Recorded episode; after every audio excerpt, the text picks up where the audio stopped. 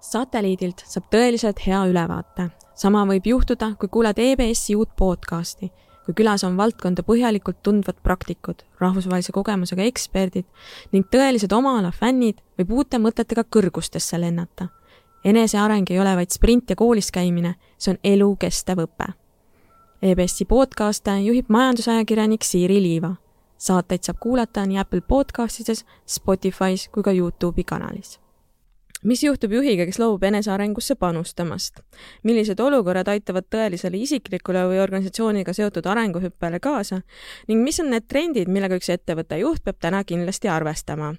seda aitavad tänases episoodis avada Terje Eichelmann ja Jüri Loonurm. mina olen saatejuht Siiri Liiva Terje Eichelmann on aastaid rahvusvahelises ettevõtluses töötanud ning juhtinud mitmeid suuri äriarendusprojekte.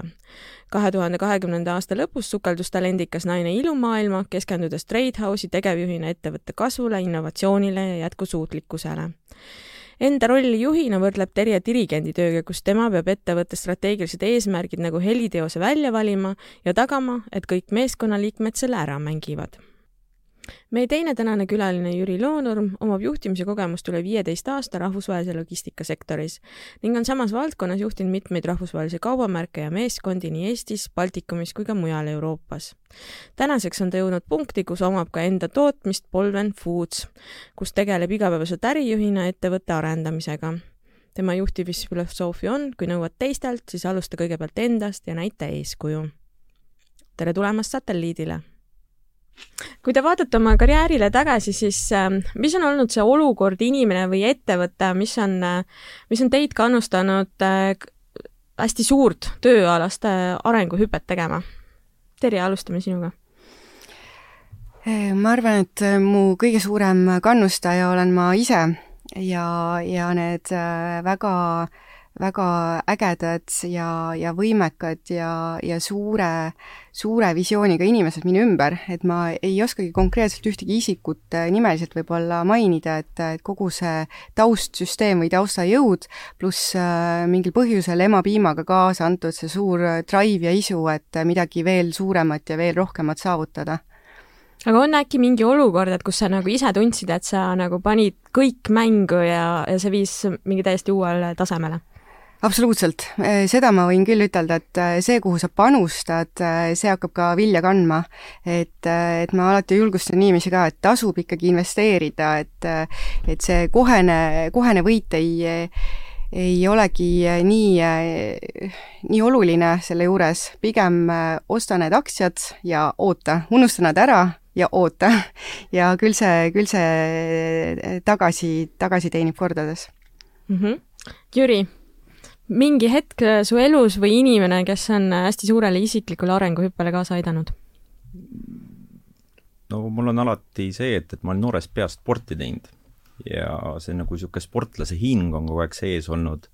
Ja pigem ma arvan ka, et see tuleb nagu enda seest, et see niisugune sportlase hing, et kogu aeg on vaja edasi minna, edasi liikuda, et see on nagu kannustanud, aga elu jooksul on neid inimesi erinevaid olnud et kas siis mingid niisugused äh, äh, juhtfiguurid või äh, inimesed äh,, head sõbrad, kes äh, on nagu motiveerinud ja sa näed, et kuidas, et neil nagu tuleb välja, et miks mul ei võiks välja tulla, et et äh, põhiliselt on siis ikka nagu sõbrad, enda sisemine niisugune, ma ei tea, mingi, ma ei oskagi öelda, mingi sisemine niisugune rahutus või no Terje nimetas seda drive'iks. jah, jah, mhm. jah, mul on niisugune nagu rahutus, et kogu aeg peaks et edasi, edasi, et, et saad midagi, eks ju, et et ei lõppe, et, et saad, saavutad kõik, e-, kõik enda soovitud asjad ära, oled seal punktis, aga ikkagist tunned, et no, no ei ole, et, et on vaja edasi, noh mm. -hmm. meil siin ühes varasemas podcastis Peep Aaviksoo rääkis, et kuidas tema eelistab äh, inimesi tööle palgates vaadata, kas nad tegelevad mingi spordialaga.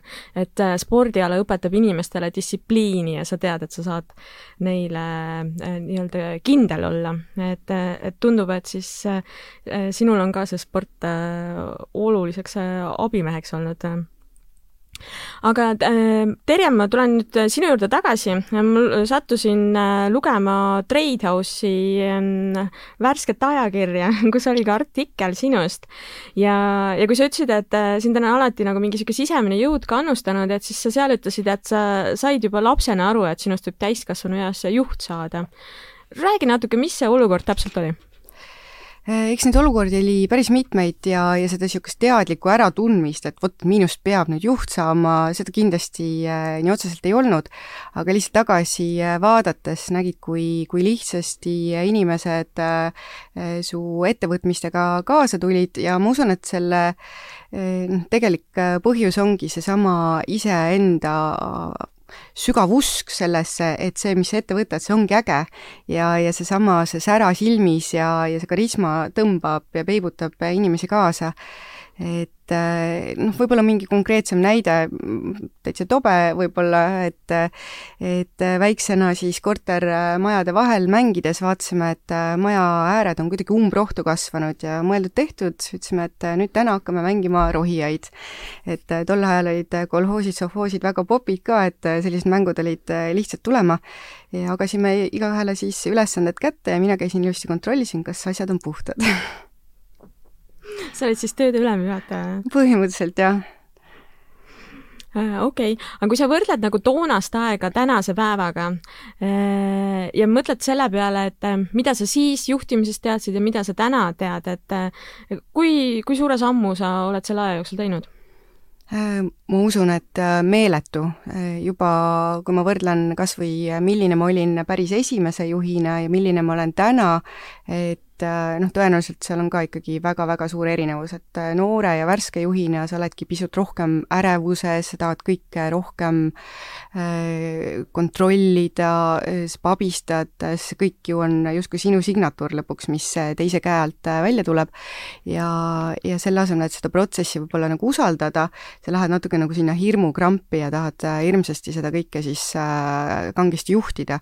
tegelikult on ikkagi tõde see, et sa pead laskma sellel asjal siis voolata ja minna ja, ja lihtsalt seal kõrval siis nagu hea coach'ina võib-olla anda märku ja tuua esile võib-olla neid märkamisi, eh, aga, aga pigem kiites seda progressiat ega täiuslikkust, eh, seda niikuinii ei ole olemas. et, eh, et pigem jah, see niisugune, kuidas me ütleme, continuous improvement või jätkuv parendamine, et homme olen jälle natuke parem kui täna, et see on nagu niisugune kandev jõud ja eks iga inimene piitsutab tegelikult sisemiselt ennast äh, nii ehk naa ja, ja vahest isegi su äh, nagu niisugune õrn märkamine võib juba teisele inimesele tähendada tohutut äh, läbielamist äh,, nii et äh, jah, ma usun, et see on nagu kokkuvõttes kõige suurem erisus, mida ma oskan välja tuua mm. -hmm. Jüri, millal sina said aru, et sa tahad juhi tööd teha ja sa võiks ka selleks äh, sobida hästi? Ma ei ole kunagi endale sellist eesmärki pannud ja ma ei ole kunagi sellest nagu aru saanud, et ma nüüd tahan nagu juht olla või seda juhi tööd teha, et see on kõik nagu terve elu nagu iseenesest toimunud orgaaniline.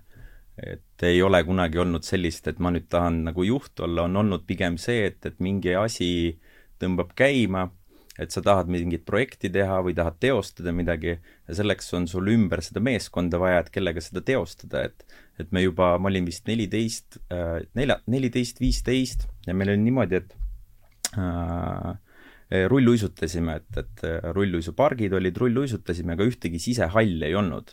ja siis meil esimene niisugune nagu projekt elus oligi see, et, et me ise võtsime kätte ja tegime vanast äh, Pääskula kinost, tegimegi selle rulluisupargi äh, tegimegi noortekeskuse ja olidki rollid ära jaotatud, aga eesmärk ei olnud jälle seda nagu juht olla, vaid eesmärk oli jälle mingi asi valmis teha ja siis äh, läbi selle kas juhtimise, läbi, läbi meeskonna saavutada see eesmärk. mina olen nagu seda sellisel kujul terve elu näinud mm. -hmm. et pigem see on niisugune nagu eestvedamine, kui siis nagu niisugune äh, tingimata mingi lipu üleval hoidmine, et mina juhin seda ja, ja nüüd nii teeme. Äh, aga ma küsiks ka seda, et äh, kas mäletad, mis olid äh, sinu esimesed õppetunnid alustava juhina mm.? mul niisugune esimene õppetund oli see, et, et ma olin kakskümmend üks ja siis öö, ma läksin tööle ühte ettevõttes projektijuhiks siis kui ma sinna tööle, nagu töövestlusel käisin ja kõik, et siis mul nagu ei öeldi, et mul alluvad on ja kui ma sinna tööle tulin, siis mulle öeldi, et et näed, et siin on viis inimest, eks ju, et need on nagu sinu alluvad, eks ju. ja siis äh, äh, nagu esimene õppetund, mis ma endale selgeks tegin, et äh, ma tahtsin nagu hästi hea olla või et nagu inimestega läbi saada, eks ju et äh, õppetund on see, et tegelikult see ei ole ka eesmärk, et sa nagu pead inimestega hea igas nagu olukorras olema, vaid vastupidi, et et sa võid ka hea olla, kui sa nagu äh, kas siis ei pane endale eesmärgiks hea olla, vaid paned eesmärgiks, et sa tahad koos nendega midagi saavutada et see võib ka nendele selle hea tunde luua, kui nad saavutavad. noh, et see läbi nende saavutustega koos meeskonnaga oledki sa päeva lõpuks, see võib olla hea. Ja tegelikult on ka nendel inimestel hea tunne, et nad on midagi saavutanud, noh. et see on niisugune siis mõlemapoolne ja siin ma olen Jüriga absoluutselt nõus, just tagasi vaadates, milliseid õpetajaid me tegelikult hindame kõige rohkem nüüd täiskasvanu eas, on pigem need nõudlikud. kooli ajal olid populaarsed õpetajad, kes võib-olla noh, panidki su seal klassi ja ütlesid, vaadake ise, et mis te seal teete. tundus jube vahva, aga tegelikult täna tagantjärgi oled tänulik ja just nendele, kes ikkagi natukene rohkem jälle andsid sulle neid koduseid ülesandeid ja ütlesid, et sa suudad rohkem, ma näen, et sinus on see. et äh, nõus, jah ja vahel nad ei ütle ka, et ma näen, et sa suudad rohkem, nad lihtsalt proovivad, kas sa tuled ja. välja, kas sa õpid ujuma või sa ei õpi ujuma mm. ja mitte ainult õpetajad, vaid ka juhid teevad sama asja oma meeskonnaliikmetega, et noh, aga millest, mis puust nad tehtud on.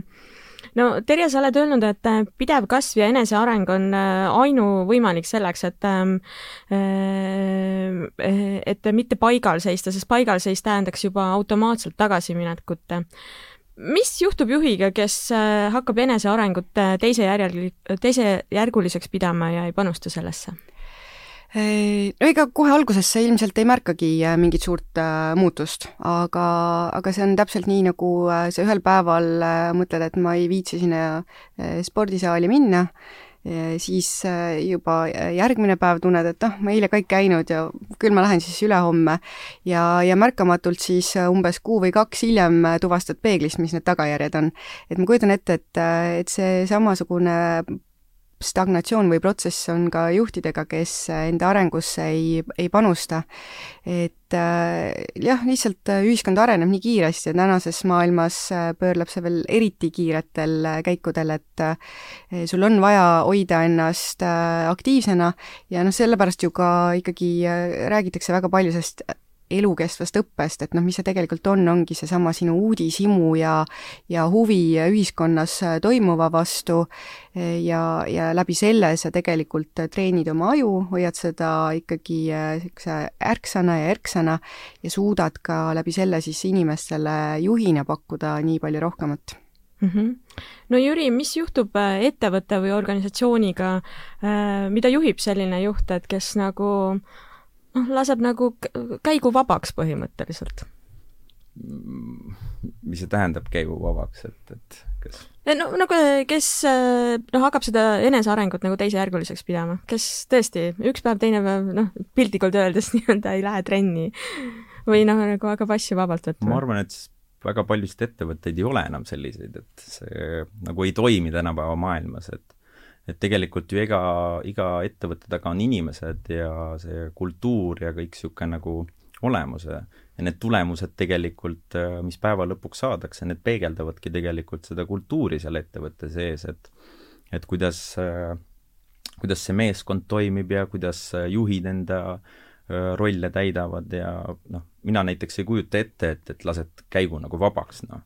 jah, okei okay,, lased käigu vabaks, kui lähed puhkusele, eks ju, et siis nagu ei no mõni ei lase siis ka ei, ei, et si-, mina arvan, et kõige tähtsam ongi nagu selle rolli juures nagu see, et noh, et, et tee nagu seda tööd niimoodi südamega ja tee nagu elustiili, aga kui sa puhkad nagu, siis puhka, noh. et ole nagu puhkusel, et ära siis, ära siis mõtle nende asjadele, noh. et siis lase käik vabaks ja maksimaalselt, noh et see on nii, nagu selles äh, äh, lauluread on, et work hard ja play hard, et äh, et tee kõvasti tööd, aga puhka ka kõvasti. aga, aga no mida saab üldse juht teha selleks, et hoida äh, ettevõtte tempot? Mm, noh, ma võin enda näitel tuua, kuidas meie oleme seda teinud, et et me oleme vii-, neli aastat, neli viimased äh, aastat nagu tegelenud sellega, et seda ko-, kõiki protsesse üle vaadata, protsesse juhtida, inimesi juhtida, siis äh, kaasaegselt nagu töövahendeid inimestele pakkuda ja suurem osa on olnud sellest nagu digitaliseerimine. noh, et kõikvõimalikud seadmed, äh, arvutiprogrammid, ehk siis maksimaalselt äh, teha nii, et me saaksime igapäevaselt äh, väga palju keskenduda ainult enda põhitööle. et me ei peaks kusagilt Excelist teise Excelisse andmeid üle kandma, et me ei peaks mingit aruannet ette valmistama, ma ei tea, mitu päeva või nädalaid, eks ju, et sellele kuluks nagu minimaalselt aega ja maksimaalselt kuluks sellele põhitegevusele. et see on olnud nagu, ma ei tea, meie ettevõtte niisugune nagu slogan, et mm. -hmm. no selle digitaliseerimise juurde ma hiljem tulen veel tagasi mm. -hmm. aga Terje, äh, kuidas saab juht nagu pika aja jooksul äh, ettevõtte või organisatsiooni tempot hoida? ma arvan, et nipp on umbes nagu mägironijatel, et sa, kui hakkad minema, kõigepealt peab olema suurepärane ettevalmistus, suurepärane tiim ja siis hakkad liikuma varustus ka? varustus ka, varustus ka absoluutselt jah, nagu Jüri tõi välja, on ju, et sul tegelikult peavad olema väga head töövahendid.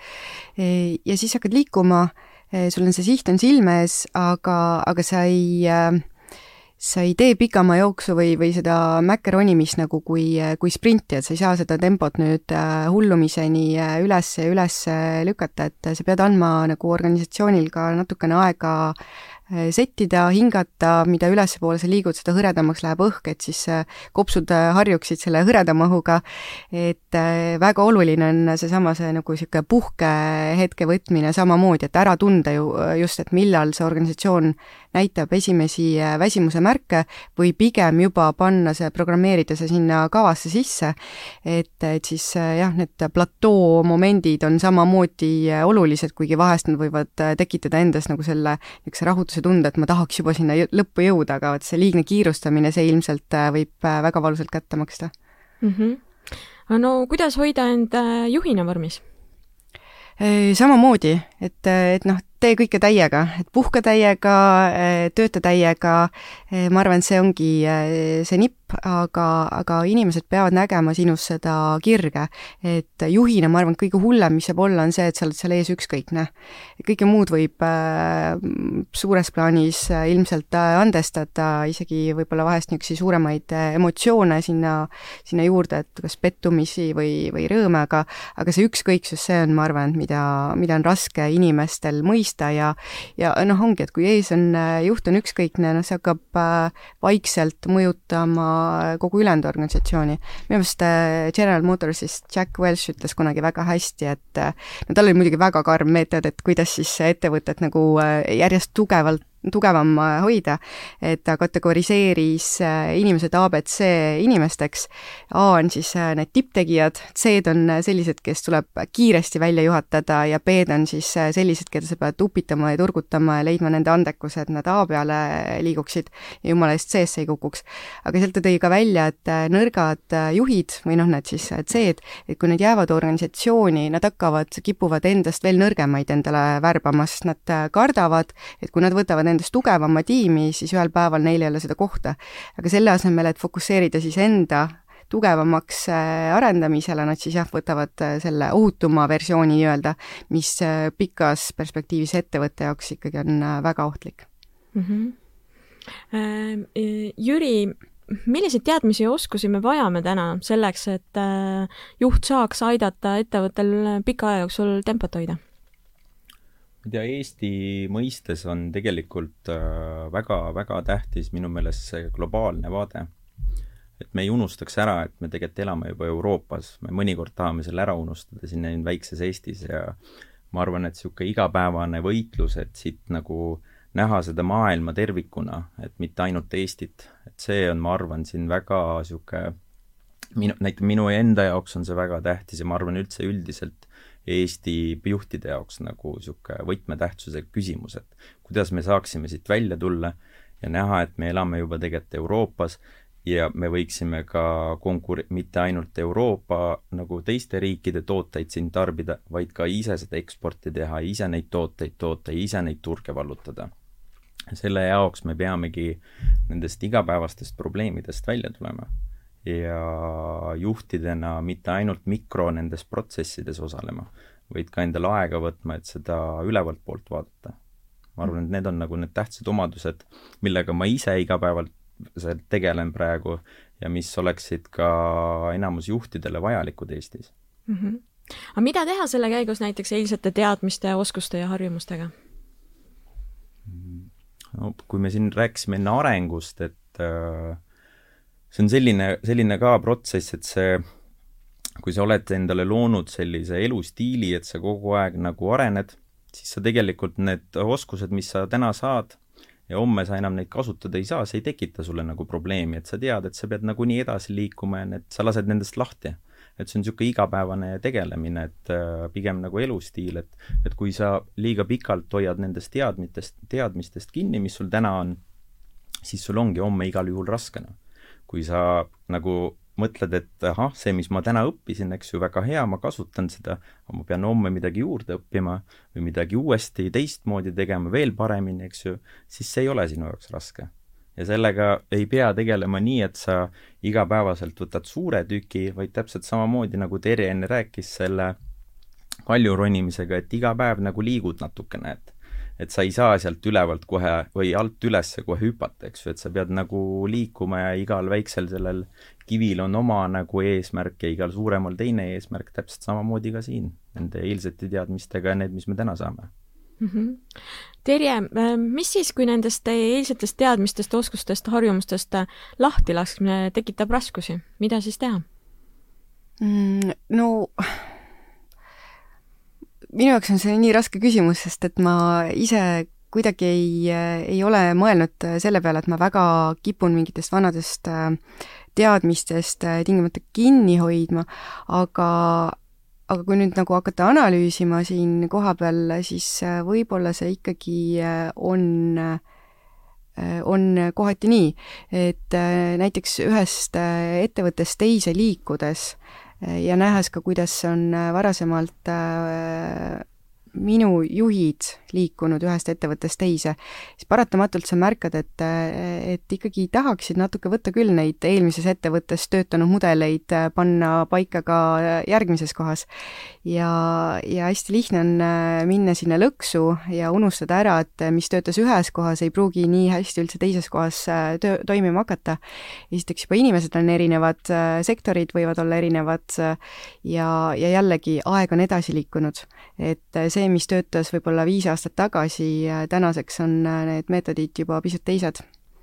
et äh, nõus, jah mm. -hmm ma olen ise ka selles olukorras olnud, kus ma olen ühest ettevõttest teise liikunud ja kuidas mul on esimesed kaks-kolm kuud, mul on sisuliselt kultuurishokk tekkinud, sest minu meelest kõiki asju tehakse nii valesti aga siis saad aru, et see ongi teine organisatsioon ja, ja siin tehaksegi asju teistmoodi, et siis ongi see, et noh, et kas sa harjud ära või siis noh, ei harju ära ja siis lahkud, eks ole mm. -hmm. no ma lisan natuke juurde ka Terele mm -hmm. see, et, et kus inimesed nagu liiguvad, et kui meil uued inimesed tulevad, siis nad tulevad ka alati, et ütlevad, et teil on see vale või me peame seda hakkama siin uuendama, siis me ütleme, oota, et ärme veel nagu äh, hakka midagi uuendama, et kõigepealt saa aru, et kas meil töötab see või ei tööta, eks ju, et kui meil töötab, et et siis võib-olla me täiendame, mitte ei uuenda, kui ei tööta, siis peab üldse teistmoodi tegema, et et see on jah, vastab mm -hmm. nagu tõele, et mm, -hmm. et see ühes kohas võib toimida, teises kohas absoluutselt ei toimi mm. -hmm aga Jüri, sina ikkagi nagu oma ettevõttes oled näinud, et äh, seesama digitaliseerimine, mida sa mainisid, et et see on ikkagi äh, töötajates tekitanud raskusi, isegi nendes, kelle puhul alguses on tundunud, et või noh, kes on öelnud, et jaa, et nad lähevad nendega kaasa. mida sa sellises olukorras teinud oled? Mm, jah, et see tegelikult need digitaalsed töövahendid uued, et nad ei, nad, nad tegelikult ei ole lihtsalt äh, äh, see tundub alguses, et see on lihtne, aga tegelikult on see ikkagist nagu täiesti töökultuuri muutmine. ja mis me oleme siin aja jooksul äh, aru saanud pikalt, et inimesel ei ole raske nagu seda uut vastu võtta. tal on nagu väga raske sellest vanast lahti lasta, et näiteks vanad tööharjumused ja vana mõtteviis, seesama asi, mis me, millest me enne rääkisime, et ja inimesed nagu küll ütlevad, et nad tahavad areneda, kui see kohale reaalselt jõuab, et siis äh, on neil raskusi sellega, kas nad ise lahkuvad või tekib mingi konflikt. ja siin, äh, mis me, mis me oleme nagu ettevõttes teinud, on see, et, et me oleme kohe hakanud äh, äh, uute inimeste puhul otsima seda digioskust, nii et tal on juba see kas on haridusena, kas on huvina või tal on juba nagu enda mingid teadmised kaasas, et, et nagu nullist inimesi enam võtta ja niimoodi koolitada on juba keeruline et te põhimõtteliselt juba värbamisel, siis te olete nagu lisanud täiendava oskuse, mida te otsite siis nende ja, uute töötajate? jaa, et see on nagu niisugune mm -hmm. tähtis moment juba.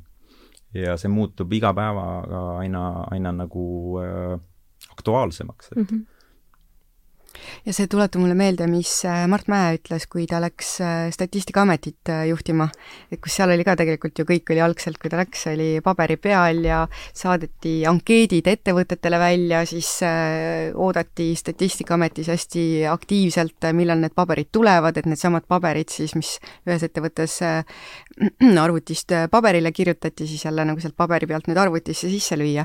et ta ütles, et kõik ettevõtted tänaseks on muutunud IT-ettevõteteks aastateks ja, ja tegelikult eh, noh, see paar aastat tagasi nüüd, et eh, absoluutne tõ-, tõsi mm. -hmm noh, Mart Mäe on nüüd ise järgmise arp- äh,, arenguhüppe teinud oma elus, et just äsja tuli uudis, et ta läheb Eesti Posti juhtima, nii et mm. -hmm aga nojah, siin üks, üks asi on see, kui me räägime niisugused keskastme juhid ja nii edasi, aga meil on näiteks tehases on inimesed, kes on noh, niisugune nelikümmend, viiskümmend, nad on tehases töötanud, nad on viimased näiteks äh, viisteist, kakskümmend aastat mingeid märkmeid meil vihikutesse teinud, eks, ja siis meil üks päev toome selle iPadi ja ütleme, et nüüd pead hakkama siia tegema, ja tegelikult see on ikka päris keeruline, noh. et siis nagu oli niisugune integratsioon, et ta teeb ühe korra nädalas seal iPadis ja ülejäänud neli päeva siis vihikus, siis järgmine nädal kaks korda nädalas, et see on niisugune nagu pikaajaline protsess, et sihuke soft landing. ja nagu näete, siis äh, mina ka jätkuvalt, küsimused on paberi peal, teen paberi peale märkmeid et mul ka see, see digi, digiüleminek läheb vaevaliselt see on tegelikult, need ongi need harjumused, millest me räägime ja tegelikult see igapäevaselt, et mina näiteks äh, eelmisel aastal loobusin äh, nagu pabermärkmikust üldse nagu, et ei kasuta kõik. et sundisin ennast nii, et kõik nagu Outlooki või Google'i märkmena, kas äh, trükin sisse või siis kui paberi peale, siis viskan kohe minema ja kirjutan ümber või teen kohe ära, noh. -hmm jaa, no siin oli huvitav äh, märge selle kohta, et suurem osa ettevõtteid äh, on tänasel päeval juba IT-ettevõtted, et äh, noh, sama on hiljuti minu meelest väitnud ka Eesti Energia, et noh, kuigi meie arvame, et on energeetikaettevõte, siis täna ka neil on nagu väga palju, väga suur IT-arenduse osakond ja, ja nad noh, nimetavad ka ennast üheks suuremaks IT-ettevõtteks Eestis aga no kui me siin rääkisime seda protsessi, et, et noh, kuidas see siis arenguhüpe ettevõttel toimuma peaks, et niiviisi samm-sammu haaval ühelt platoolt teise, et äh, kuidas peaks nagu juht äh, või mille järgi ta peaks otsustama, et kas äh, ettevõte on, on nüüd valmis järgmiseks arenguhüppeks või mitte? Terje ma usun, et need märgid on ettevõtte organisatsioonis juba, juba olemas inimeste näol. et seesama, nagu Jüri kirjeldas, et see rahutus hakkab inimestes järsku äh, välja paistma. mitte ainult näed, juhtides, vaid inimestes ja, ka. ka inimestes ja, ja see aeg ongi äh, siis täpselt see paras, et võtta see ette, ette järgmine, järgmine hüpe aga, aga ettevõttes, kus ma olen olnud, on tavaks ka iga aasta vaadata üle strateegia. see on ka hea hetk, et millised mõtted, visioonid äh, tulevad siis äh, sealt äh, altpoolt üles ühtepidi, et mida, mida inimesed ise on märganud või, või osanud esile tuua ja, ja siis sa panedki juba selle järgi visioonid paika ja hakkad vaikselt jälle edasi liikuma mm. -hmm. Jüri, kuidas sina kraadid ettevõtet? meil on selline noh, esiteks me kraadime alati nagu finantsnäitajate järgi, see on number üks, aga kui rääkida sellest, et kuidas meil, kuidas me aru saame, et kas me saame edasi liikuda või ei saa edasi liikuda, siis tegelikult äh, ettevõtlus koosneb nagu kahest äh, variandist. et kas sa liigud edasi või sa liigud tagasi. et keskmist nagu ei eksisteeri, ei ole olemas. no aga kui sa liigud tagasi, siis sind ennast ka ei ole varsti olemas. täpselt, et siin nagu äh, ongi see, et, et meie oleme enda juures nagu niisuguse otsuse vastu võtnud, me liigume kogu aeg edasi, et meil ei ole varianti, et meil oleme kusagil ootepositsioonis, eks ju, või äh, meil on stabiilne, et meil ei ole. ja ma olen ka seda meelt, et et äh, meeskond, keda me valime ja kes äh, nagu on ka ettevõtte nägu lõpuks, on ka nii, et kui ettevõte areneb nagu normaalsel äh, kiirusel ja on arenguvõimeline, siis need inimesed, kelle sa oled välja valinud, kes tahavad sinuga areneda, nad tulevad kaasa ettevõttega. mõnikord juhtub ka vastupidi, et kui ettevõte areneb liiga aeglaselt, aga meeskonnaliige või meeskond tahab kiiremini, siis hakkab olema vastupidi, et need äh, meeskonnaliikmed hakkavad sinu juurest ära minema, ehk siis see on niisugune äh, kahepoolne, et, et äh, esiteks äh, sa pead aru saama, et su meeskond tuleb sinuga kogu aeg kaasa, teiseks sa pead seda tempot ise hoidma, et, et meeskonnaliikmetel igav ei hakkaks, ja teine asi, et sa pead seda hoidma, et, et äh, see tempo oleks piisavalt hea, et kas meeskond jõuaks järgi või et äh, enamus meeskond ei kukuks ära, et need ongi need äh, et tempo läheb liiga kiireks ja lihtsalt ei jõuta kaasa, see on seesama, millest Terje rääkis, et võib-olla mm -hmm. väike nagu paus teha mm, -hmm. eks ju, mhm. aru saada, ahah, et mm -hmm. kuidas nagu see asi mm -hmm. on, jah, liigume edasi samas tempos, kõik on hea mm. -hmm. et äh, aga sellist asja jah ei ole, et, et no aga kes sind äh, toetab ettevõttes, kui, kui sa näed, et nüüd on paras aeg küps mingiks järgmiseks arenguhüppeks? On see mingi org-, ettevõttesisene jõud või te vahel võt-, võtate ka väljast appi kedagi? kasutame tegelikult ja oleme lähenenud tegelikult erinevat viisi, ma ise olen nagu nii selli-, sellisel kujul lähenenud, et ma suhtlen väga palju erinevate kolleegidega teistest ettevõtetest või äh, nagu, kes on äh, suuremad ettevõtte juhid või siis tegevjuhid, et kuidas neil need probleemid on. me oleme väga palju äh, ettevõtte sees neid äh, kohti arutanud, me oleme konsultante võtnud erinevatelt äh, erialadelt ja kuulanud, mida nemad räägivad.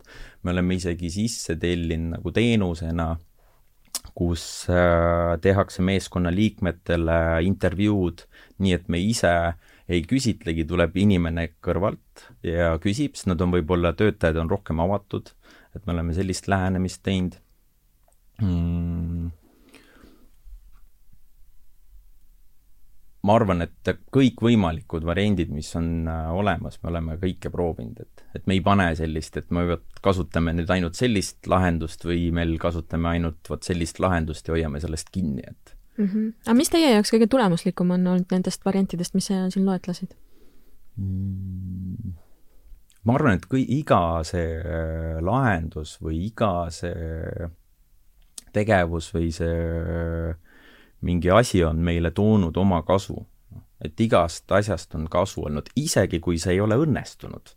me oleme aru saanud midagi ja see on ka meile nagu kasulik olnud, et kui me oleme mõne konsultandi võtnud või mõne teenuse sisse tellinud, oleme selle eest palju maksnud, see ei ole õnnestunud, siis me oleme aru saanud, et kuule, et näed, et ärme enam sellist viga tee, et tegelikult me sa-, näeme ise, et kuidas seda paremini teha no.. okei okay,, et te ja. olete ka nagu läbi ebaõnnestumise õppinud äh, ettevõtte jaoks siis? ma arvan, et väga paljud asjad tegelikult ongi läbi selliste ebaõnnestumiste või läbi vigade, et mm -hmm. need on nagu need põhiasjad, et, et ma arvan, et kui sa tahad, et sul nagu mingid asjad hakkaks toimima, et tee vigu ja ka saa aru, et äh, nendest vigadest, et neid parandada, et kui sa aru ei saa, siis äh, need jäävadki ainult vigadeks ja mm. -hmm. no nende ebaõnnestumiste juurde äh, võime pärast veel tagasi tulla, aga Terje, äh, mida teie oma ettevõttes äh, teete selleks, et järgmist arenguhüpet kavandada või seda läbi viia?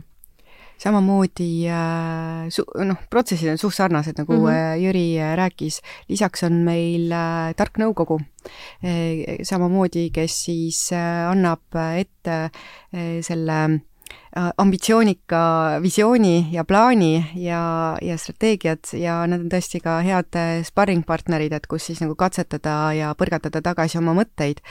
Äh, lisaks sellele hästi palju on teadmist ikkagi organisatsioonis endas sees, et inimesed tegelikult teavad ja märkavad äh, oluliselt rohkem, kui me arvame ja, ja ega iga inimene ei kipu seda ise kohe sulle tulema nagu teatama. et, et just see nagu niisugune hea viis, kuidas meeskonnal on see usaldus ja turvatunne jagada, vahest võivad olla sõnumid ka natuke sellised, mis ei ole võib-olla populaarsed, aga, aga ka neid tuleb osata kuulata ja tähele panna võimalikult varakult, et seal on need märgid selgesti siis äratuntavad, et kuhu, kuhu suunda siis edasi liikuda. ja Jüri tõi hästi välja, et ühte head kriisi või ebaõnnestumist ei saa raisku lasta, et et just seesama, et analüüsid läbi ja selle pealt võid sa lõpuks avastada midagi väga ootamatut, milleni sa võib-olla esialgu ei osanudki üldse veel mõelda või, või liikuma hakata mm. -hmm. aga ma kohe siis jätkangi sellesama e-, ebaõnnestumise teemaga, et e, mis sina, kui sa vaatad oma karjäärile tagasi, mis oli selline äh, suur ebaõnnestumine, millest sa õppisid palju? võib-olla siin ma toongi välja selle suure tugeva Nokia allakäigu et kui mina ühinesin siis tolleaegse Elcotechiga veel, pärast hilisema nimega Eolan, ta oli täpselt äh, see kriisi äh, algusfaasis, et oli teada juba, et tõenäoliselt Nokia läheb keegi ei uskunud. nii suur ettevõte ei saa minna põhja. ja, ja kuidas me siis ähm, noh, sisuliselt oligi üks kõige suurematest äh, klientidest ettevõttel, et kuidas sa siis selle katastroofi sisuliselt ikkagi pöörad enda kasuks ja teed äh, sada kaheksakümmend kraadi äh, sisemise pöörde ettevõttes, keerates siis äh, ümber protsessid, mis olid üles ehitatud suure massi ühe kliendi tootmise peale ja, ja, ja kuidas see siis see mindset seal ettevõtte sees kultuurina nagu ümber teha. ja päris paljud inimesed ei suutnudki kaasa tulla absoluutselt. et kuidas sa hakkad tegema väikestele klientidele täiesti teistsuguseid tooteid, mida sa pole kunagi kunagi teinud, põhimõtteliselt see tähendaski liinitöötajale igapäevaselt ümberõpet, uute jooniste lugemist, see oskus üldse, sul oli ju enne lihas mälus, sa ei pidanud üldse nagu äh, sisse lülitama omale mitte midagi, lihtsalt teed. et äh, aga see avas äh, tohutu potentsiaali, me nägime, kui targad ja võimekad insenerid meil majas. Ja, ja seda ilmselt me ei olekski kunagi teada saanud, kui poleks olnud seda noh, rasket kriisihetke. aga teil õnnestus see ettevõte ümber pöörata? õnnestus mm. -hmm okei okay., Jüri, mis on, kui sa mõtled oma äh, karjääri peale tagasi, mis on kõige suurem ebaõnnestumine olnud ja mis sa sellest õppisid?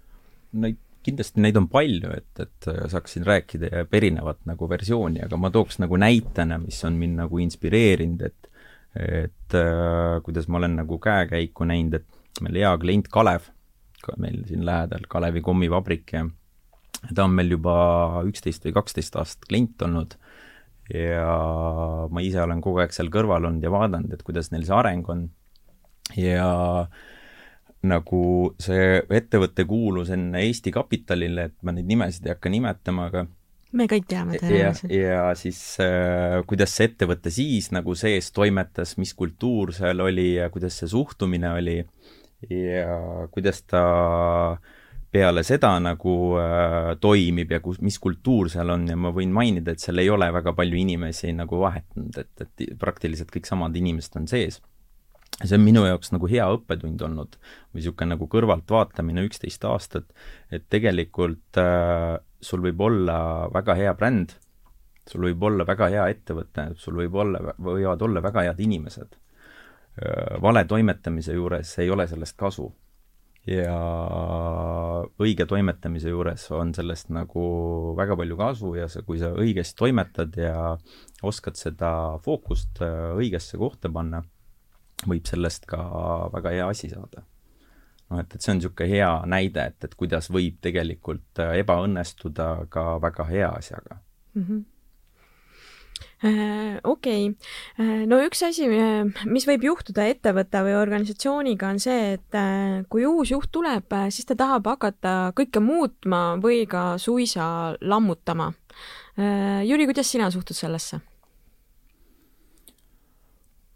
meil juhtub alati seda, et meil, kui tuleb mõni uus juhtiv töötaja või siis tuleb uus inimene, et siis äh, algus, alguskuud on alati see, et, et üritatakse kõike nagu enda järgi teha või üritatakse kõik teistmoodi teha, et sa alguses mainisid ka seda? jaa, et ma juba mainisin ka seda, et see on niisugune huvitav vaatamine, meil on iga kord niisugune nagu see hea jälgimine olnud, et ja tegelikult selles ei ole mitte midagi halba.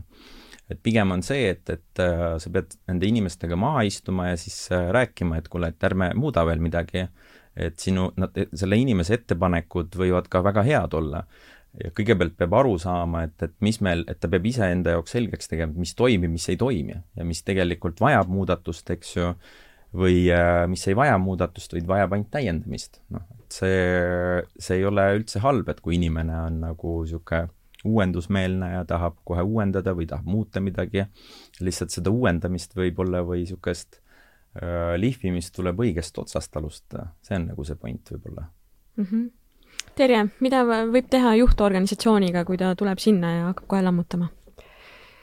Inglise keeles on kaks head äh, terminit, äh, üks on change, mida väga paljud armastavad, äh, siin Ameerika president kasutas seda väga aktiivselt oma kampaanias ja, ja inimestele üldiselt meeldib, nendel meeldib see mõte, nagu sa enne ka ütlesid, et neile meeldib see mõte muuta, aga kui, kui see muutus äh, lõpuks kätte tuleb, siis tegelikult nad tunnevad, et äh, nad tahaks äh, samal vanal moel saada teistsuguseid asju. no me teame, et tegelikult vanamoodi toimetades teistsugust tulemust üldiselt ei saavuta.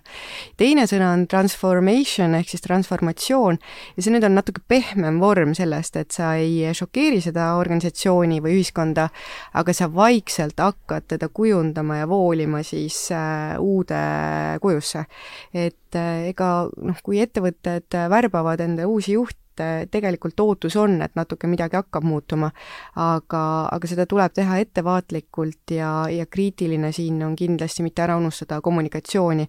sellist asja nagu ülekommunikatsioon ma ei ole kohanud üheski ettevõttes, et äh, alati äh, uue juhina ka ettevõttesse minnes esimene probleem, mida sõnastatakse, on see, et meil info üldse ei liigu meil on infoga ikkagi väga halvasti. ja, ja siis äh, jah, kuidas seda infot siis liikuma panna, jällegi inimesed võtavad ju vastu äh, sõnumeid äh, täpselt nii, nagu nad on harjunud seda võtma, eh, kus on nende fookus ja mida nad tahavad kuulda. et eh, tihtipeale uudised, mis võib-olla ei peaks olema ega ületama uudiskünnist isegi ettevõttes eh, vähemasti, levivad kulutulena ja siis niisugused olulised muudatused, ma ei ole midagi kuulnud. no ja, ja kõik laiutavad käsi, eks ole et ähm, ja noh, ma arvangi, et ähm, see tasakaal on kuskil seal vahepeal, et äh, ma olen äh, ka ilmselt selle enda artiklis välja toonud, et ma ei usu eriti äh, selle uue luua, et uus luut pühib paremini sellisesse filosoofiasse või kontseptsiooni, just sellepärast, et kõigepealt ikkagi tee endale natukene need asjad selgeks, saa aru, mida peab muutma, miks, ja siis selle miks'i ära selgitamine, ma arvan, et ongi olulise tähtsusega. aga tõsi on ka see, et ega iga muutusega kaasneb see nii-öelda see äh, vastuseis ja, ja sõltuvalt inimese tüübist, mõnel läheb see seier nagu väga sinna tumepunasesse ja, ja tuleb sealt alla väga aeglaselt, kui üldse. et nendel, kellel ei tule, need üldiselt nende muutuste menetluste käigus ikkagi leiavadki tee ettevõttest välja aga teiste puhul ta käib üles-ära ja seal on see, et mida kiiremini sa suudad selle miks'i talle lahti selgitada, seda, seda kiiremini ta tuleb ja ta hakkab sinuga koos seda transformatsiooni siis voolima mm. -hmm no Jüri, sa mainisid siin vestluse alguses ja sa oled ka ühes oma hiljutises artiklis öelnud, et inimeste juhtimine ei ole lihtsalt inimeste juhtimine, vaid protsesside juhtimine. räägi lähemalt, mis sa mõtlesid sellega? No see vastab tõele jah, et see ei pea alati inimesi juhtima või kuidas meil siin nagu on moeks saanud, et kui midagi ei õnnestu, siis öeldakse kohe, et inimesed on süüdi, et meil on uut inimest vaja või nad ei saa aru millestki, eks ju. tegelikult tuleb ka näha nende protsesside taha, et, et et äh, mida inimene teeb, et äkki mitte inimeses ei ole see probleem, vaid on selles protsessis või selles lähenemises, et kui seda muuta, et siis see inimene seal toimib ja need nagu asjad äh, lähevad käima ka. et see on nagu see mõte. ja alati, alati ei pea jooksma seda inimest juhtima, et, et äh, mõnikord on vaja need protsessid ja kas või sama kommunikatsioon seal ettevõttes korda teha, eks ju, mis on jah, igapäevane niisugune küsimus, kuidas seda paremaks saada, mingid äh, info liikumised, siis äh, kuidas nagu meeskonda kokku saada, et need on tegelikult kõik protsessid, mida ettevõttes äh, käivitada mm. -hmm mina olen Jüriga absoluutselt nõus, ma hea kuulda, ma nagu kuuleks iseenda häält seal äh, Kajana, et äh, nõus, kui inimesed vead teevad, siis esimene asi, mida tasub äh, vaadata, on protsessid, kas protsessid, kas kokkulepped on paigas, kas inimene üldse teab, mida talt oodatakse, et hästi tihti on seesama see ootuste konflikt, et meie peas on väga selge arusaam, mida keegi peaks tegema, aga, aga kas see ka selle inimeseni on viidud ja, ja jah, inimeste loogikad on erinevad. et seesama eh, kuulus ingliskeelne sõna assume on ju, et eeldama, et mm -hmm. noh, inglise keeles on väga hea, et mil-, millistest sõnadest ta koosneb, on ju, et as, you and me, et ära eelda eh, sõnasta ja, ja väga nutikas tähelepanek, jah nii, aga Jüri, sa enne rääkisid digitaliseerimisest ja, ja sa oled öelnud ka, et, et kes praegu seda tõsiselt ei võta, on juba äh, rongist maas. et äh, kus Polven Foods selle rongi peal on? on ta seal veduris, on ta seal Meil... esimestes vagunites, tagumistes vagunites? Meil on tegelikult niimoodi, et miks ma niimoodi ütlesin, et minu arvamus on see, et see digitaliseerimine on nagu pikk protsess, et see ei, ei saa tehtud ühe-kahe kuuga. et meie oleme teinud seda juba siin neli aastat ja meil see rong kogu aeg liigub, et see rong nagu ei ole, ei ole vahet, mis vagunis sa seal oled, see rong liigub, et rongis sa oled äh, maas, sa ei jõua enam, siis sa enam seal selle rongi peal ei olegi, eks ju. ja meil see protsess kestab ja meil on nagu niimoodi, et aastast kaks tuhat seitseteist me alustasime, iga aasta on meil olnud selline nagu äh, kas me oleme midagi juurde lisanud või me oleme aru saanud, et kuidas mingit protsessi paremaks. ja nüüd me oleme enda etappidega nii, et meil kogu tarkvara, kõik äh, tootmise planeerimine, raamatupidamine, ost, müük, kõik on meil nagu äh, Exceli väline, et meil on nüüd nagu eraldi see tarkvara Dynamics kolmsada kuuskümmend viis ja kõik protsessid ja kõik käivad seal. ja järgmise etapina me nüüd hakkame seda tarkvara siduma enda seadmetega. ehk siis meil tegelikult see protsess kogu aeg jätkub, et et ja see ei ole ainult meil, vaid see on kogu Euroopas selline fookusteema kus järg, järgmise kümne aasta jooksul nagu tegelikult üritatakse tervet äh, ühiskonda nagu digitaliseerida ja minu teada on seal nii, et selle kümne aasta jooksul peaks olema kaheksakümmend protsenti elanikest peaksid oskama elementaarseid digi äh,, digi, elementaarsete digioskustega. et see on nagu eesmärk, et näiteks sellest äh, abipaketist, mis praegu Euroopa on eraldanud seitsesada viiskümmend miljardit, kakskümmend protsenti läheb sellest äh, ettevõtete inimeste nagu siis äh, digi, digistamisele. digipädevuse tõstmisele. digipädevuse tõstmisele mm, -hmm. et see on nüüd nagu meeletu summa mm. -hmm. aga selle nelja aasta jooksul, kui palju inimesi teil on lahkunud ja kui palju on seal nende uuendustega kaasa tulnud? jah, see on niisugune valus pool, et see, kui me nagu alustasime seda siis me nagu, inimesed olid kõik hurraa, et lähme teeme, aga tegelikult äh, sellest seltskonnast, kellega me alustasime seal ja hakkasime nagu edasi liikuma, on meil alles seal kas kolmkümmend või nelikümmend protsenti, et üks üle, kolmandik siis sisuliselt, jah? et, et kõik mm -hmm. tegelikult iga etapi lõpus, mis me oleme ära lõpetanud, on inimesed lahkunud aga just sellesama pärast, et nad ei ole suutnud vanadest äh, nagu harjumustest lahti lasta. et see digitaliseerimine, see tähendabki seda, et, et näiteks meil on täna mingi töövahend, mida me kasutame, noh, nimetame näiteks Exceliks seda, eks ju mm. -hmm. et me oleme kõik enda kas mingid äh, arvutused või siis mingid äh, plaanid või siis äh, mingid SWOT-id ja nii edasi, kõik seal Excelis teinud, eks ju aga nüüd on see, et ja enne me saatsime seda meiliga ja see oli ainult meie arvutis ja kui keegi küsis, siis me saatsime selle ja see kogu aeg ringus, liik-, liikus ringi. nüüd see on nii, et see on äh, äh me kasutame ise SharePointi ja kõik need failid on kogu aeg online'is siis nende kasu pilve peal siis pilve peal mhm. kõik, eks, sa ei pea kellelegi saatma, need on kõikidele kättesaadavad, sa võid näha, kes sellega töötab, sa võid näha, millal see saadet on, millal lahti tehti, eks ju, et see kõik on operatiivne, et meil hoiame sellega sadu tunde kokku Mm -hmm. aga kas see, et viimase nelja aasta jooksul noh, ütleme kaks kolmandikku inimestest on lahkunud, et on, on see sinu jaoks ka isiklikult mingi niisugune nagu õppetund selles äh, olukorras olnud?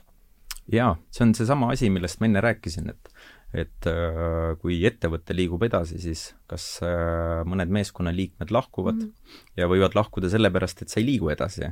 kui sa liigud nagu tempokalt edasi, siis võib-olla lahkuvad sellepärast, et ei jõua seda tempot äh, hoida. ja see on nagu hea, hea õppetund ja andnud selles mõttes, et et tegelikult äh, Mm, see ei ole halb ja see ei ole hea ka mm, -hmm. et äh, inimesed nagu lahkuvad või tulevad, tegelikult see tänapäeva see kultuur on ka hoopis teistsugune, see töökultuur, et kunagi vanasti inimesed töötasidki ühes kohas kümme ja kakskümmend aastat, aga see on ka muutunud. et inimesed ei pea olema ettevõttes seal kümme või kakskümmend aastat, et see ei ole enam eesmärk omaette tegelikult et inimene võib vabalt ettevõttes olla kaks-kolm aastat, ta täidab oma rolli ära, ta liigub edasi ja selles ei ole ka mitte midagi halba, noh. kui ta tahab pikemalt olla ja ettevõttele sobib ja talle sobib, see on ka hea mm. -hmm okei okay., äh, no tänasesse päeva tulles, et äh, meil on siin äh, viimane aasta aega hästi palju väljakutseid tõenäoliselt ettevõtetel igas sektoris olnud, aga no ma ei taha otseselt sellele olukorrale endale keskenduda, aga pigem ma küsiks niisuguse nagu üldistava küsimuse, et äh, kuidas sellistele keerulistele või väljakutsete rohketele aegadele vaatamata ikkagi tagada see, et ettevõte liigub edasi? Terje? kunagi oli vist mingi multifilm, et ikka edasi, ikka edasi, ei sammukestki tagasi, on ju. no Jüri ütles ka enne midagi sarnast. et noh, põhimõtteliselt eks ta, eks ta sedasi ongi, et et sa pead oma meeled hoidma ärksad ja, ja leidma loovalt, kuidas selles äh, muutuvas keskkonnas siis äh, märgata ja avastada jälle see, see miski, see uus, äh, et mis, mis siis nagu võimaldab sul selle edasiliikumise ja, ja ma arvan, et siin on jälle paljuski kinni inimtüübis, et äh, kelle jaoks takistus ongi justkui nagu ettekääne, et mitte teha asju, ja teise jaoks on see võimalus teha neid teistmoodi. et äh, me üritame ikkagi enda ümber ja ettevõttes koondada neid inimesi, kes leiavad võimalusi, äh, märkavad ja, ja seda inspiratsiooni sa võid saada tegelikult hästi erinevatest kohtadest, sellepärast ka mulle meeldis, kui Jüri ütles, et juhid peavad võtma selle aja maha, et puhata ja mõelda. et kui sa hoiad ennast kogu aeg ähm, selles igapäevases virvarris äh, kinni, sa enam ei märka. sa oledki selles rattas, äh, natuke nagu see hamster jookseb, on ju, et kuhu ta siis lõpuks jõuab. päeva lõpuks ta on ikka sealsamas rattas, äh, aga meeletult on rassinud ja tööd teinud. et ähm, seepärast ka ma olen nõus, et needsamad need protsessid ja süsteemid, et noh, keegi ei armasta väga neid protsesse, olgem ausad, et kes see neid vooskeeme ikka tahab kõigepealt joonistada, pärast lugeda.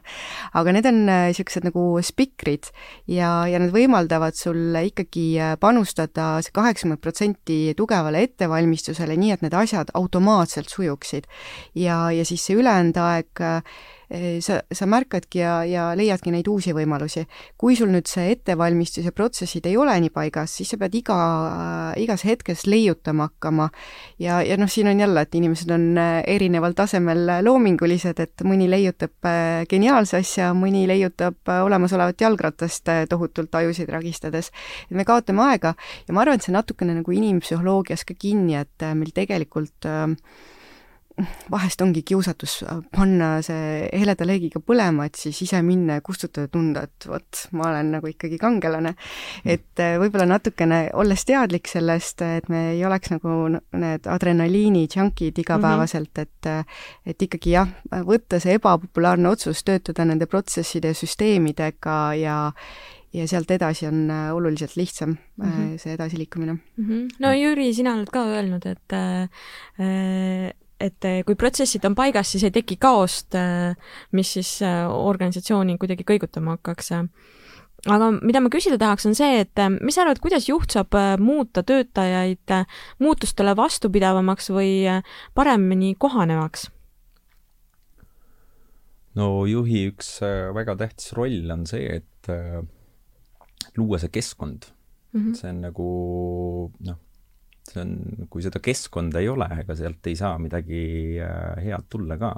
et see on nagu taime või mingi sellise lille kasvatamine, et et äh, sa võid ju öelda talle, et kasva, kasva ja et, et ole ilus ja nii edasi, eks ju, aga kui seal õiget mulda ei ole ega seal äh, seda õiget vett õigel ajal ei panda, eks ju, et ega siis ei juhtu ka midagi, et siin samamoodi, et et see keskkonna loomine on hästi tähtis, et see keskkond nagu võimaldaks sellist nagu arengut ja inimene oleks motiveeritud ja näeks enda jaoks sellist äh, huvi seal, et see on hästi tähtis minu arvates. noh, seda me oleme nagu igapäevaselt ka enda ettevõttes teinud mm. -hmm okei okay., äh, no juhi töös ikkagi aeg-ajalt tuleb ette seda, et äh, vahel jooksed ise vastu seina ja, ja on tunne, et, et noh, et kuidagi nagu olukorrast pääseteed ei ole. Terje, mida sina sellises olukorras teinud oled?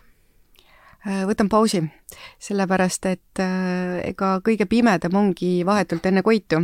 seda ja, räägitakse praegu ka. ja, ja, ja siis äh, ma arvan, et aitab see pausi võtmine, et seesama, et sa siis sellel vaikuse hetkel sul hakkavad need mõtted teistmoodi jooksma, sest ma arvan, et me tihtipeale mõtleme iseennast lukku ja, ja jääme kinni sellesse stsenaariumisse, me, mis me usume, et see ongi nagu see ainu, ainuvõimalus, tegelikult äh, neid võimalusi on rohkem, sellepärast ka ju öeldaksegi, et igavlev laps, et äh, noh, see on suurepärane, mida rohkem sul laps ütleb, et mul on nii igav, siis ütled suurepärane. sest et äh, kui sa piisavalt kaua sellele kiusatusele vastu paned ja ei anna talle ette seda helendavat äh, ekraani, äh, sealt hakkab tekkima see loovus samas jälle teiselt poolt, äh, kui me räägime siin tohutuid rahasid, mida investeeritakse äh, digi äh, arengusse, siis võib-olla ikkagi me vanematena, kes ei ole üles kasvanud nende ekraanidega, võib-olla peame pisut tagasi hoidma sellest, et noh, kui see laps ei veeda seda aega nüüd arvutis, kust tal see digitaip tuleb. et noh, kindlasti on vaja siin vaadata tähelepanelikult, mis ta seal ekraani taga teeb ja kas see ikkagi tingimata arendab teda edasi või on see niisugune scroll imine seal, aga aga, aga jah, ma ise näen ka, et tihtipeale nagu mingi, mingi hetk tunned, et äh, kas peab nii palju seal ekraani taga siis äh, nina helendamas olema, aga aga võib-olla peab mm. -hmm. no Jüri, kus sina oled äh, abi otsinud, kui sa oled juhina vastu seina jooksnud mm,? mul on mõned äh, nagu konsultandid ja coach'id ja siis on head sõbrad, et, et kellega lähed neid muresid jagama ja siis, kui sa oled enda muresid jaganud, siis nad jagavad enda muresid vastu ja sa saad aru, et, et, et ei ole hullu midagi, et ja küll sa nagu päeva lõpuks need üle saad ja siin on tähtis see, et neid nagu neid muresid või neid, kus mingid läbipõlemised, et neid isiklikult ja südamesse ei võta liiga pikalt neid nendesse ei jää kinni, et liigud edasi, et et ennast haletsema ja jaa, et see lahtilaskmine minu meelest on selline kõige tähtsam selle juures ja, ja siin tegelikult tuleb appi puhkus ja ma ise nagu surfan viisteist aastat siis surfamine, et merel käimine ja siis äh, purjetamine, niisugused asjad, et need võtavad hästi maha selle, et mm -hmm. need on need äh, vahendid minu jaoks mm. -hmm no Terje, sina oled ka EBS-i magistriprogrammi läbi teinud, et äh, mis sind sellele teele ajendas? ma arvan, et oligi seesama veel äh, iseendas ei, ei olnudki ära tundnud, et on mingi rahutus sees, aga, aga rahutus on, äh, on ilmselt see õige sõna ikkagi nüüd tagantjärgi vaadates, et sa tajud kuidagi, et, et sa hakkad juba kergelt äh, paigale jääma, et mis siis on see, mis aitab sind äh, kiiresti küpsetada selleks järgmiseks etapiks valmis, et ma ise olengi nimetanud selle magistriprogrammi nagu kiirküpsetuseks et äh, väga intensiivne mm, periood, äh, sa pead äh, endale tunnistama, et sa teed seda kõike millegi muu arvelt ja kõrvalt, aga, aga sa ei anna alla, et sa ikkagi jällegi iga päev teed natukene, võtad selle aja ja, ja sa saavutad selle tulemuse mm. -hmm no sa oled öelnud ka, et, et see lükkas käima muutused, mida võib-olla sa ise ei tundnudki, et neid vaja on, et mis need sinu puhul täpselt olid? Tollel hetkel ma, kui ma käisin infopäeval, siis ma töötasin veel äh, Eltel Networksis.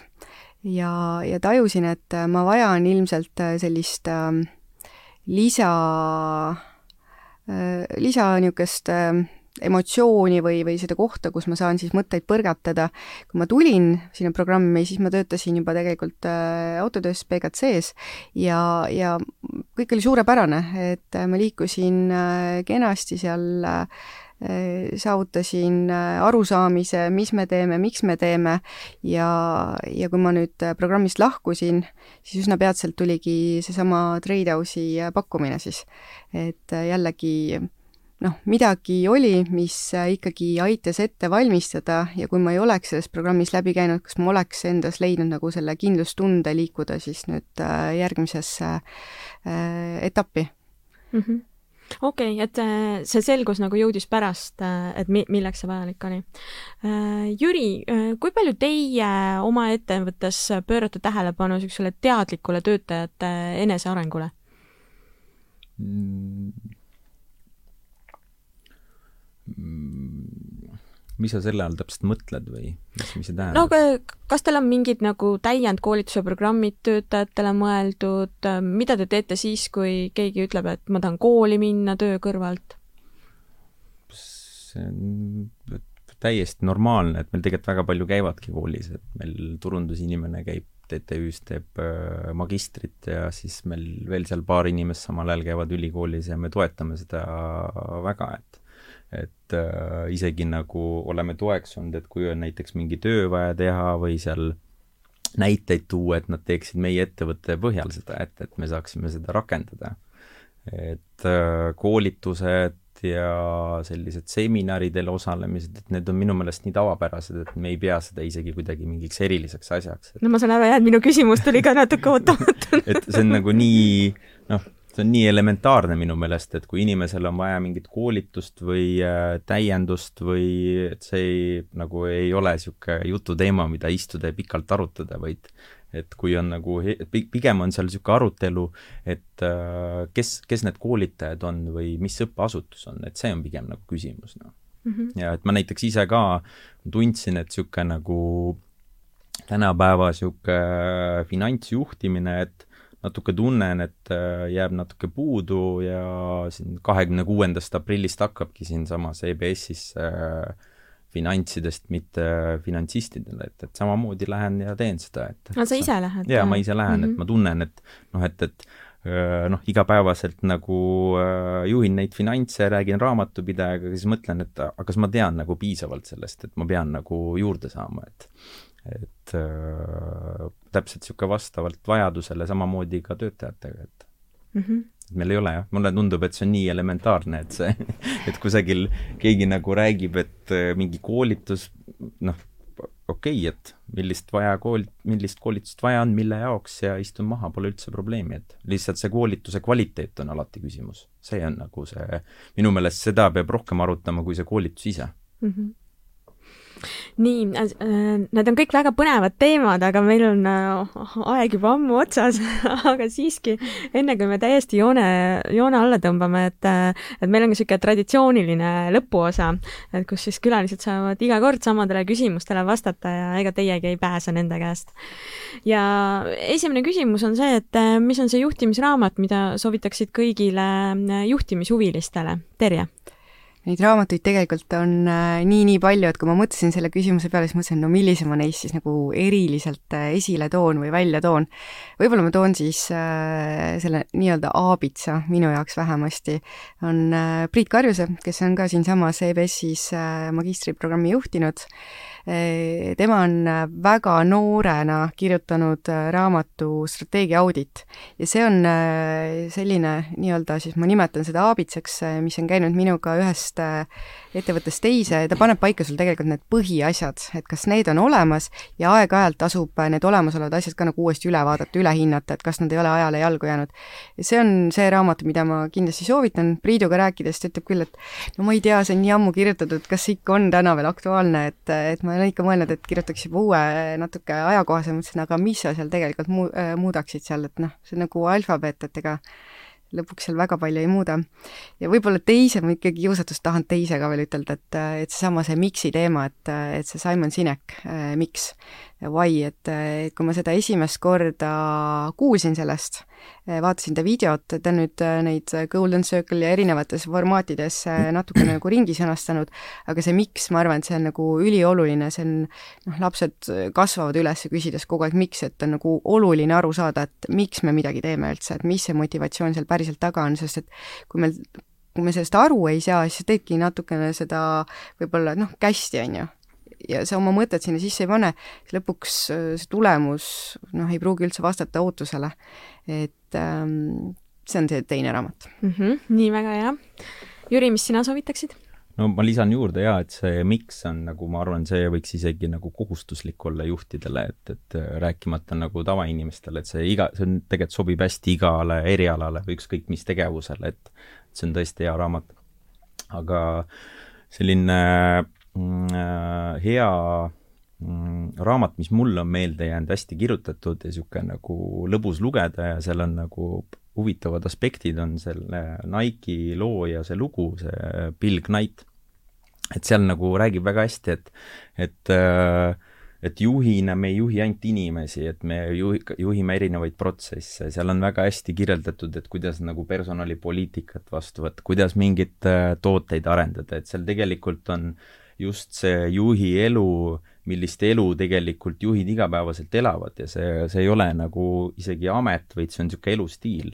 et, äh, et äh, juhid peavad nagu aru saama, et kas nad nagu tahavad juhid olla või sa tahavad seda elustiilina võtta, et see on niisugune hea raamat, mida ma soovitaks kõikidele lugeda, et mm. -hmm. seda ma kusjuures äh, mitte küll nendes podcast ides, aga ma olen ka mujal kuulnud, et seda, seda raamatut soovitatakse.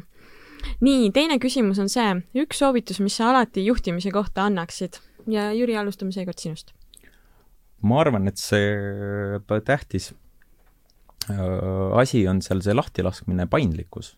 Noh, et, et see, et sa saaksid aru, et, et, et ei, ei aja seda ainult enda rida, vaid mingis kohas annad järgi ja mingis kohas tõmbad peale, et see on võib-olla niisugune nagu soovitus ka iseendale, millega igapäevaselt tegeleda, et mõnikord mõtled, et, et oleks võinud seal natukene järgi anda, aga sealt peale tõmmata ja see on täpselt samamoodi niisugune elukestev nagu see õpe, et et selle soovituse annan nagu endale ja teistele ka, et mm. -hmm, väga hea. Terje, mis sina soovitaksid? Kuula, õpi, õpi kuulama ja, ja mitte ainult äh, seda, mida äh, sõnades väljendatakse, vaid mis jääb tegelikult sinna sõnade taha, et ja ka seesama see noh, kõhutunne, et ma arvan, et see on tegelikult on meie nagu niisugune kogemuste pagas, et sul midagi hakkab seal helisema, sa ei oska seda veel täpselt sõnastada, aga siis ongi, et kuula, kuula ka, vaata enda sisse ja kuula, mis seal toimub mm. -hmm ma pean ütlema, et kuulan vist iga teises podcastis mm. on see, vähemalt üks inimene on selle soovituse toonud, nii et see on kõige populaarsem soovitus olnud. no eks ta võib-olla ongi nagu ka inimlik, et see on äh, ka teistpidi ära, väljatoomine, et mis on äh, juhtidel kõige suurem nõrkus, et me ju kõik armastame juhtidena väga palju rääkida. et see on see lõks, kuhu sisse me lähme ja siis on nagu iseenda korrale kutsumine kuigi me unustame ära, et, et meil on üks suu ja kaks kõrva, eks ju, see on äh, selge märk, et kuule kaks korda rohkem, noh okei okay,, te olete küll mõlemad oma viimases vastuses juba välja toonud seda, et, et te ise tunnetate, et see on ka nagu teie enda jaoks võib-olla niisugune arengukoht, aga ma siiski küsin eraldi, et mis on see oskus ähm, või juhtimisoskus konkreetselt, mis sa tunned, et sa enda juures veel arendama pead? Terje, alustame sinust ma arvan, et minu puhul on ikkagi see äratundmine, et inimesed on erinevad ja, ja tingimata ei olegi vaja ja ei olegi mõistlik neid hakata voolima iseenda järgi, et pigem las need erinevused rikastavad meid ja, ja püüda kõneleda iga inimesega selles keeles, millest nemad kõige paremini aru saavad. et jällegi, et see äh, kunagine ütlus tuleb piiblist juba, et tee seda, mida sa tahad, et sulle tehakse. Kuna me ei ole ühesugused, siis võib-olla need ootused teisel inimesel ei ole ka tingimata needsamad, et äh, noh, karikatuurne näide on see, et mina tahan üle tee minna, keegi seisab seal tee ääres äh,, mõtled, et abistad seda vanemat inimest ja vead ta seal jõuga üle tee, on ju, et noh, ta võib-olla ei tahtnud sinna minna. Mm -hmm.. okei Jüri, mis sa tunned, et sa pead enda juures veel arendama? ma arvan, et see Tere, mis enne selle soovituse andis, et niisugune kuulamine ja siis sealjuures on veel kuulmine, et need on nagu kaks äh, passe, et et need on need asjad, mida peab nagu tegelikult igapäevaselt arendama, et, et see üks asi on see kuulmine, teine asi on see kuulamine, nii et sa nagu kuuled ka, mida räägitakse üritad sellest teisest inimesest nagu aru ka saada, et et sa enda mõtted koristad ikka täiesti ära seal ja siis nagu üritad selle inimesega seal samastuda, et see on niisugune omadus, mida ma arvan, nagu terve elu õpid ja tahad nagu selles parem olla, noh. et äh, ma arvan, et see on omadus, mida ma tahaksin, et mul oleks parem ja parem kogu aeg mm. -hmm. no väga hea, selline oligi meie tänane saade. aitäh, Terje, aitäh, Jüri! aitäh, aitäh, Siiri! aitäh ka kuulajatele ja järgmise korrani! see oli EBS-i podcast Satelliit. kuula meie teisi saateid nii Apple podcastidest, Spotify'st kui ka Youtube'i kanalist